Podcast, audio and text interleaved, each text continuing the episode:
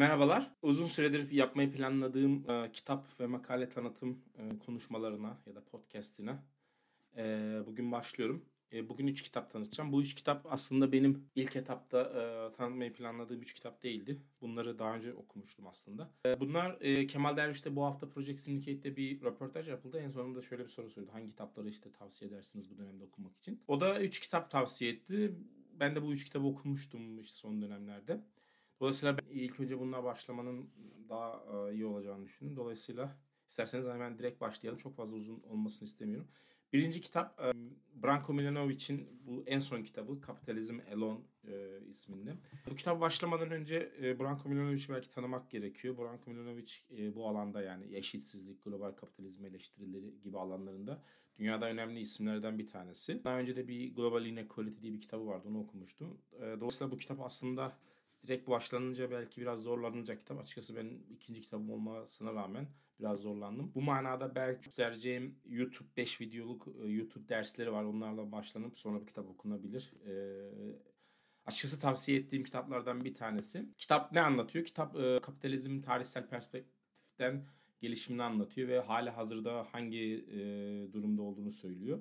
Genel itibariyle iki türlü kapitalizmin e, sahip dünya. Birincisi political kapitalizm dediğimiz Çin'de ve Vietnam gibi ülkelerde olan biraz daha despotik kapitalizm ifadesiyle. İkincisi liberal meritokratik kapitalizm yani e, liyakata dayalı liberal kapitalizm dediğimiz Amerika'da ve Batı Avrupa'da olan kapitalizm türü. E, Branko Milanovic e, eşitsiz devam ettiğini, bu bir süreç olduğunu, işte kapitalizmi yeni ve daha egalitarian kapitalizme ulaşmak için bir takım e, değişiklikler yapılması gerektiğini söylüyor. Eşitsizliği e, sadece gelir eşitsizliğin değil, bunun bir sürü sebebi, sebebi ve sonucu olduğunu anlatıyor hızlıca çok kitap hakkında spoiler bilmiyorum kitap hakkında spoiler deniyor mu da vermek istemiyorum ama genel itibariyle şöyle bir şeyden bahsediyor. Bu mevcut eşitsizliğin birkaç temel noktası var. Birincisi takslar, vergiler.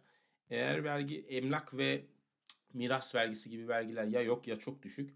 Bu da zenginliğin belirli bir elden işte o sülale, o soydan gelenlere devam ettiği ve hiçbir zaman diğer e, insanlara aktarılmadığı yönünde bir e, analizi var. Ve bu makas gitgide açılıyor. Zira ücretli gelir elde eden ne? Bu şekilde gelir elde edenlerin e, returnleri yani getirisi her zaman çok farklı. E, zaten kitabın önemli bir kısmı da bunu anlatıyor. Yani gelirin şey emeğin gelirdeki payı yani insanların gelirinin birçoğu fakirlerde ya da düşük gelirli insanlarda ücretli emekken diğer zenginlerde ise bu emlak getirisi, borsa, diğer yat sermayeden kaynaklı getiriler ve bu aralarında bir fark var. Bu getiri gitgide açılıyor ve eşitsizlik açılıyor. E, bu e, sadece bu sadece gelir üzerinden bir adaletsizlik, eşitsizlik yaratmıyor. Ne yaratıyor? E, bu eğitime de yansıyor. Neden? Mesela işte Amerika'da ya da başka Batı Avrupa ülkesinde bazı okullar eğitim sistemi paralı ya da özel sektöre dayalı. Dolayısıyla paranız varsa çok çok iyi eğitimler alabiliyorsunuz. E, çok iyi okullara gidebiliyorsunuz. Çok iyi okullardan kabul olabiliyorsunuz. E, yoksa e, devlet okullarına gitmek zorundasınız. Bunlar görece kalitesiz. Dolayısıyla en sonunda fakirseniz eğitiminiz de düşük kalitede oluyor. Bu da bir başka bir eşitsizlik boyutu oluşuyor, oluşturuyor.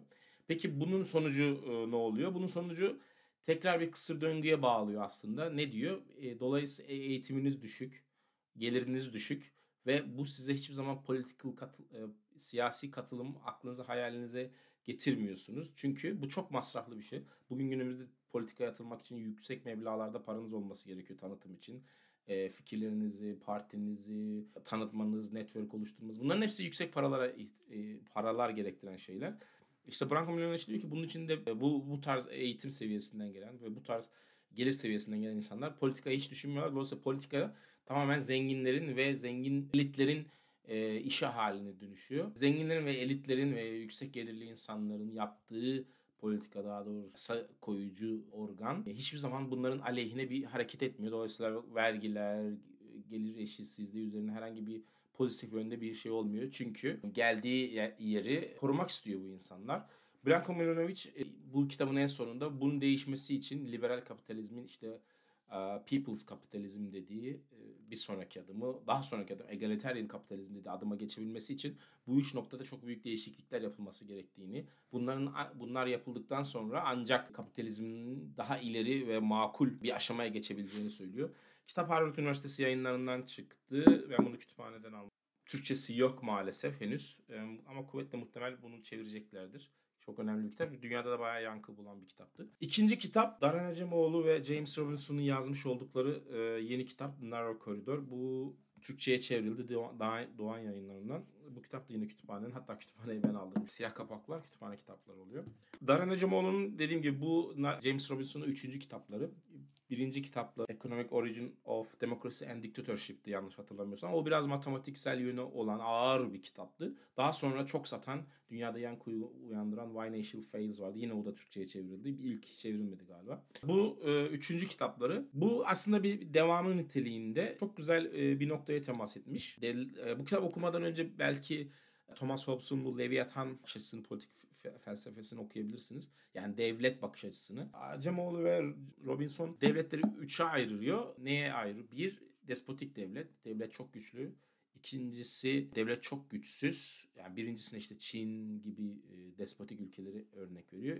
İkinci tip ülke örneğine aslında çok e, bu biraz örnek zayıf olmuş açıkçası. Bir antropologların, karı koca antropoloğun bir örneğinden yola çıkarak Tiv diye bir kabile varmış. Burada society çok güçlü. Herhangi bir sistematik bir oluşuma izin vermiyor. Dolayısıyla kanun koyucu, kanun uygulayıcı bir e, güç kullanma erki olan e, erkine izin vermiyor. Böyle bir toplum. Toplum çok güçlü. Bu ikisinin arasında bir başka bir devlet formu tanımlıyorlar. Bu da işte bir koridor oluşturuyor. Bu koridor aslında sayfa şurada görebilirsiniz. 64'te yer alan figür 1 figür 1'de bu dar koridor dediği koridoru açıklıyor. İşte bu iki koridor iki devletin arasında yani çok güçlü devlet, çok zayıf toplum yapısı, sivil toplum ya da çok güçlü sivil toplum ama çok zayıf devlet. Dolayısıyla kanunlar uygulanmıyor. Anarşik devlet dediğimiz bir yapıya oluşuyor. Ya devlet yapısına oluşuyor. Bu ikisinin arasında bir, bir devlet olması gerektiği yönünde bir kitap tezini işliyor. Buna narrow koridor. Bu önemli. Bunu yakalayan ülkeler işte gelişiyor. Aynı zamanda sistematik ve düzenli kanunlar her şey çok farklı ilerliyor. Bunun içine ülkeler girebiliyor ve çıkabiliyorlar. Girme ve e, girme zor ama çıkma hızlı bir şekilde olabiliyor. Özellikle e, kurumların aşınması, diktatörship bir yavaş yavaş gidilmesi noktasında. Bunları analiz ediyor. Bence güzel kitap 500 500 sayfaydı yanlış hatırlamıyorsam. 500 600 sayfa. 500 sayfa. Acemoğlu ıı, farklı bir iktisatçı. Yani normal günümüzün iktisatçıları gibi değil. Yani bir taraftan İbni Haldun'u, öbür taraftan işte Thomas Hobbes'tan örnekler verebilen, tarihsel e, tarih felsefesi yapabilen bir adam. Önemli bir e, entelektüel. Aslında iktisatçıdan ziyade sosyal bilimci diyebileceğimiz bir isim. Dolayısıyla her kitabı okunması gereken bir isim. Bu kitabı da aynı şekilde yine tavsiye ediyorum. Ama Why Nation Fails kadar yankı uyandıracağını sanmıyorum açıkçası. Çünkü birazcık devamı gibi. Genelde bu filmin ikinci serisi e, birincisi gibi olmuyor. Bu da onun gibi. Üçüncü kitap Narrative Economics. Bu kitabı 2019'un ortasında okumuştum. Kitap benim. E, bu biraz benim konumla alakalı diye aslında almıştım. Bu kitap da Robert Schiller'ın. Robert Schiller herkes finansla uğraşan e, çoğu insan tanır. 2013'teydi yanlış hatırlamıyorsam. Nobel almıştı finans alanında. Daha doğrusu davranışsal finans alanında. Yani insanların aslında daha doğrusu yatırımcıların aslında söylenildiği gibi çok akıllı, rasyonel vesaire kararlar almadığını açıklayan bir sürü teorisi vardır. Hatta Robert Akerlof'ta bir iki kitabı daha var buna benzer. Bu kitapta narratif dediği yani hikayeci ya da hikayesel iktisat e, diyebileceğimiz Türkçe'ye çevrilmedi. Bir kavramdan bahsediyor. Aslında bu makalesi 2017'de American Economic Review'de Narrative Economics başlığıyla aynı başlıkla makale yayınlamıştı. Bunu 2009'da kitap haline getirdi.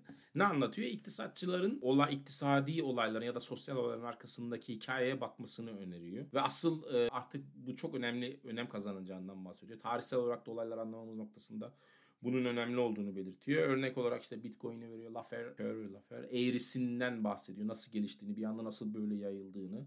İşte Google engramlarını e, vesaire kullanıyor. Kitabın en sonunda e, güzel bir e, bölüm hangi kaynaklar yani research yapacak insanlara hala hazırda hangi kaynaklar olduğunu, neler ol, e, neler yapılabileceğini, hangi sorular sorulabileceğini gösteriyor. Ve en sonunda çok ilginç bir şekilde bir e, ek var. Bu son zamanlarda iktisatçıların da çok kullandığı SIR e, dediğimiz bu işte epidemiolojide çok fazla kullanılan bir e, şeyin salgının nasıl yayıldığını, insanları nasıl etkilediğini anlatan bir model. Bu fikir fikirleri de aynı şekilde bunun içine gömebiliriz ve dolayısıyla fikirler nasıl yayılıyor, nasıl gidiyor. Bunu da görebiliriz. En sondaki o chapter, e, o appendix çok güzel ve basit bir dille anlatılmış. Aslında onu bugün günümüzde koronavirüs meselesinde de nasıl yayıldığını anlamak isterseniz e, Türkiye'de ne olacak, işte hangi aşamadayız, tahmin olarak e, işte bir sonraki gün ne olacak vesaire.